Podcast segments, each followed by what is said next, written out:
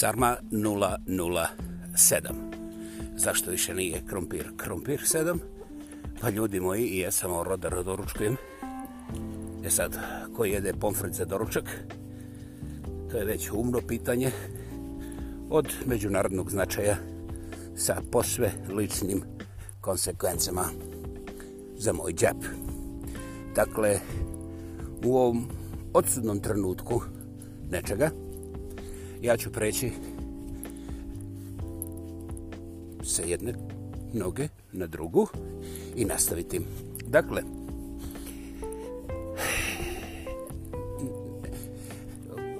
neke riječi mi smetaju, a ne mogu ih izbaciti iz svoga, svoga riječnika. U mome razmišljanju su odlično pročišćene i filtrirane. Ali eto, u komunikaciji što se dokazuje da intelekt ipak nije apsolutno moćen, postoje neke stvari koje su čista umno-duhovna inercija, te riječ stoji. Naime, riječ nemoguće. U svome korijenu je besmislena, mada vjerovanje o amplitudi ili značenju ili moći riječi nemoguće ima ima više elemenata mogućnosti objašnjenja i shvatanja nego što ima bakterija u cijelom univerzumu, ne samo na ovoj planeti. Međutim, kod nemogućeg je vrlo blisko ova familija, nevjerovatno. I umjesto tog nevjerovatno, ja bih prišio da je poprilično teško razumjeti zašto ljudima recimo oko mene, sad ću biti tako lijepo egoističan, jer zašto da povrijedim nečiju drugu personu, bože moj, ljudi su svi perfektno balansirani, jedino ja imam tih problema i to je predivno, to je predivno. Naime, dvije velike koriste. Ja sam rekao sebi da sam ja jedini koji je izvan toga balansa i s time dobivam kredibilitet da ovim sitnim protuvama, ovim cirkuzanerima javne komunikacije dam do znanja gospodo pljuckajte koliko hoćete šta hoćete, to je vaša odluka koja je totalno u vašem domenu i ja nemam namjeru da idem iza ovog dakle neće se ništa desiti vi ćete nastaviti da budete, budete pljuckači pljuckači pljuckatori ili pljuckovijusi, vulgarikusi.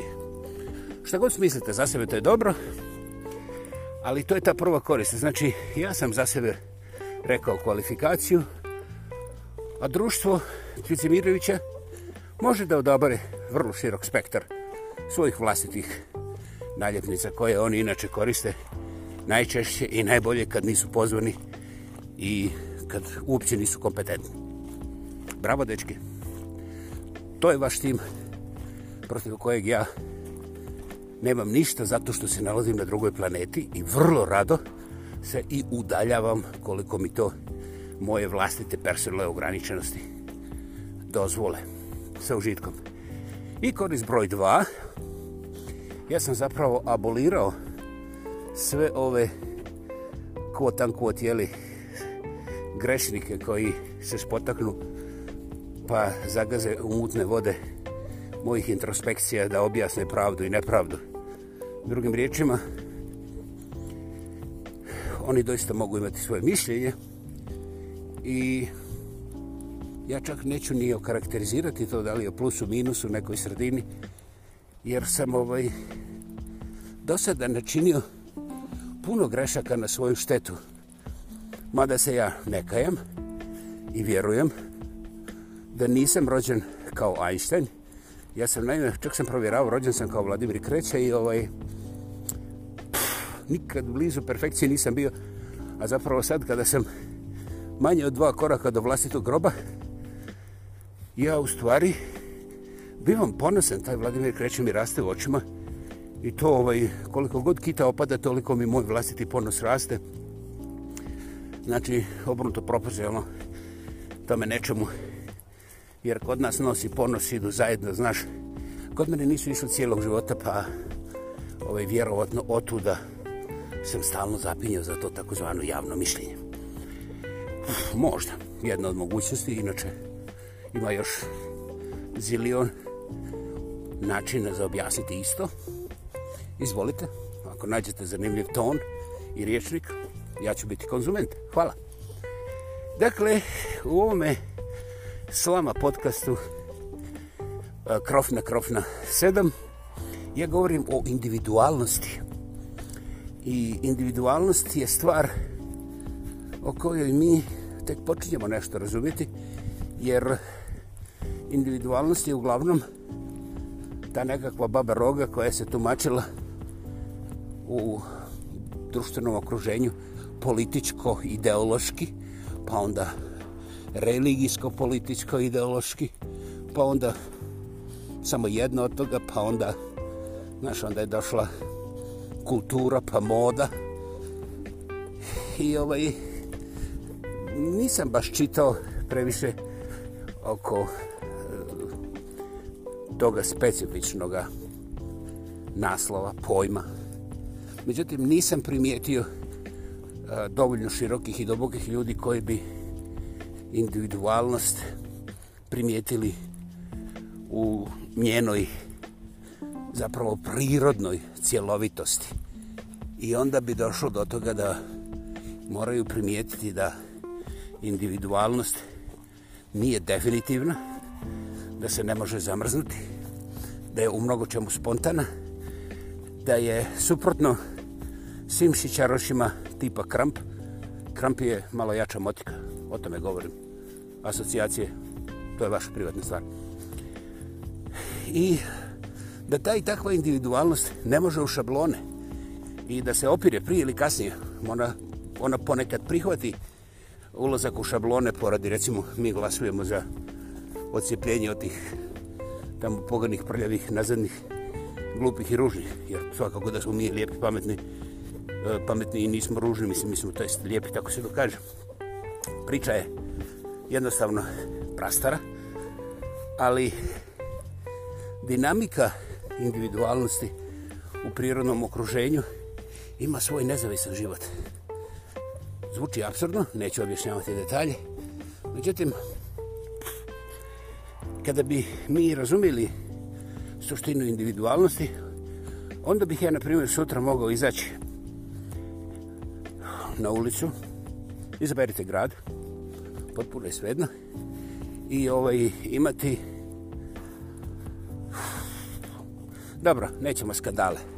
Izađem na ulicu nekog, recimo, prosječnog svjetskog grada, velegrada, većeg od milion duša, i počnem plakati. Prije svega, polovica ljudi bi prošli bez ikakvog ikakve reakcije zato što me ne bi vidjeli. Ja ne znam da li u vašim gradovima, selima i čukama podignete nekad pogled, ali ako podignete pogled, onda ćete primijetiti da tih 50% također kao i vi gledaju u neke spravice gdje su potopili svoje glavice i jednostavno pojma ne vidim gdje su bili ni s kim su bili, ali važno da su na internetu, jeli? I da su na vezi jer slučajno ako neko odluči da lupi glupu šalu i da podijeli sliku svoje guze, što misliš da zakasnim 5 sekundi, pa bolje da se ubijem. Dakle, 50% ljudi definitivno nije prisutno i to, ne, i to ne ovisi o novcu, zdravlju, pameti ili bilo čemu što bi rekli englezi tangible. Jednostavno, to je suštinski iracionalno ne više ponašanje nego automatizam. Čak ne može biti ni navika, nego je automatizam i ljudi se drže sa svoj silikon, bože moj. Znači, plačem ja na ulici, 50% ljudi prođe. Ne znaju da sam ja to bio. A i sada ćemo doći na onih 2%. Ima masu razloga, ja neću sad govoriti ovim kulturološkim refleksijama, e, sociološkim specifičnostima određenih sredina, Ok, hvala. I dolazimo do 2% ljudi koji su doista primijetili, već, već možda i izdaljega, i onda od tih 2% svaki peti ili deseti pogleda malo bolje, pa onda otkrije da ja ne samo cmizdrim, nego i da balavim, pa onda da sam polučelav, čelav, pa onda da sam debeli, pa onda da nosim cipele iz prošle sezone, pa onda da mi se vide gaće da su mi hoće stisle previše nešto, pa onda, o da, to je enciklopedija. Dakle, taj dio ljudi će odlučiti da stvar komentira i verbalno je to onda trač ili olajavanje gdje oni glume ne samo intelektualne nego i karakterne šampione i kazuje drugima pa kako može odrastao čovjek da plače na javnom mjestu, mislim, koja je to buda letina, mislim, šta će, ko danas mi izdri u ovo vremena. I tako redom. Ok. Ukoliko ovaj plačući, to jest ja, primijeti sve to i pokuša dati bilo, bilo kakvo objašnjenje. Zapravo jedno jedino slovo, jednu jedinu riječ. Potonuje, možda u višegodišnje šetanje močvarama nečega što... Ha! Bože moj, ima previše pijavica i nema šanse nikada da zamiriše, jer močvara ipak močvara jest. Bez obzira koje je diplome i koje novce sjedjenici te močvarologije posjeduju ili su stekli. A pogotovo kad se upetljaju još alkoholizirani i ostali specijalci moralno-socijalnog miljeja i sive zone. Šta sam htio reći? Prije što izađem ulicu da plačem, ja sam htio reći tim komentatorima, ja sam ljubazan prema njima kao što vidite, htio sam reći zapravo što kazujem i vama. Sinoć kada sam odlučio za ovaj eksperiment, ja sam u stvari imao barem 10 situacija u životu kada sam doslovce bio u ovoj slici koja je sada za ovu priliku verbalno izmišljena. I prije nego što snimim ovaj podcast, odlučio sam preispitati sebe. Sinoć sam primijetio da nijedne novine nisu donijele oglas kako ja gostujem na ivici te i te Marice, o, pardon, ulice. I ovaj, da će sadržaj biti smizdrenje sa podcrtanim balavljenjem ili bilo koji detalj. Onda sam njuškao po radiju, internetu, Čak sam gledao kroz prozor moje susjede, niko nije znao šta će se ujutro desiti na uglu Ivice i Marce, na uglu te ulice o kojoj govorim. Baš niko. Dakle, za razliku od ovih svjetski poznatih imena i sadržaja, ja nisam imao taj propagandni štab i ta, tu komercijalnu mašineriju koja bi bilo šta, bilo kome iskomuniciralo i dala ljudima ideju šta će se desiti, kako će se desiti, koliko će se desiti i tako redom. Znači ja sam, što bi rekli finci švedskog podrijetla, ja sam sasvim inkognito u spontanoj liniji kretanja uma, duha i sluha pojavio se na ulici da odsmizdrim neko vrijeme.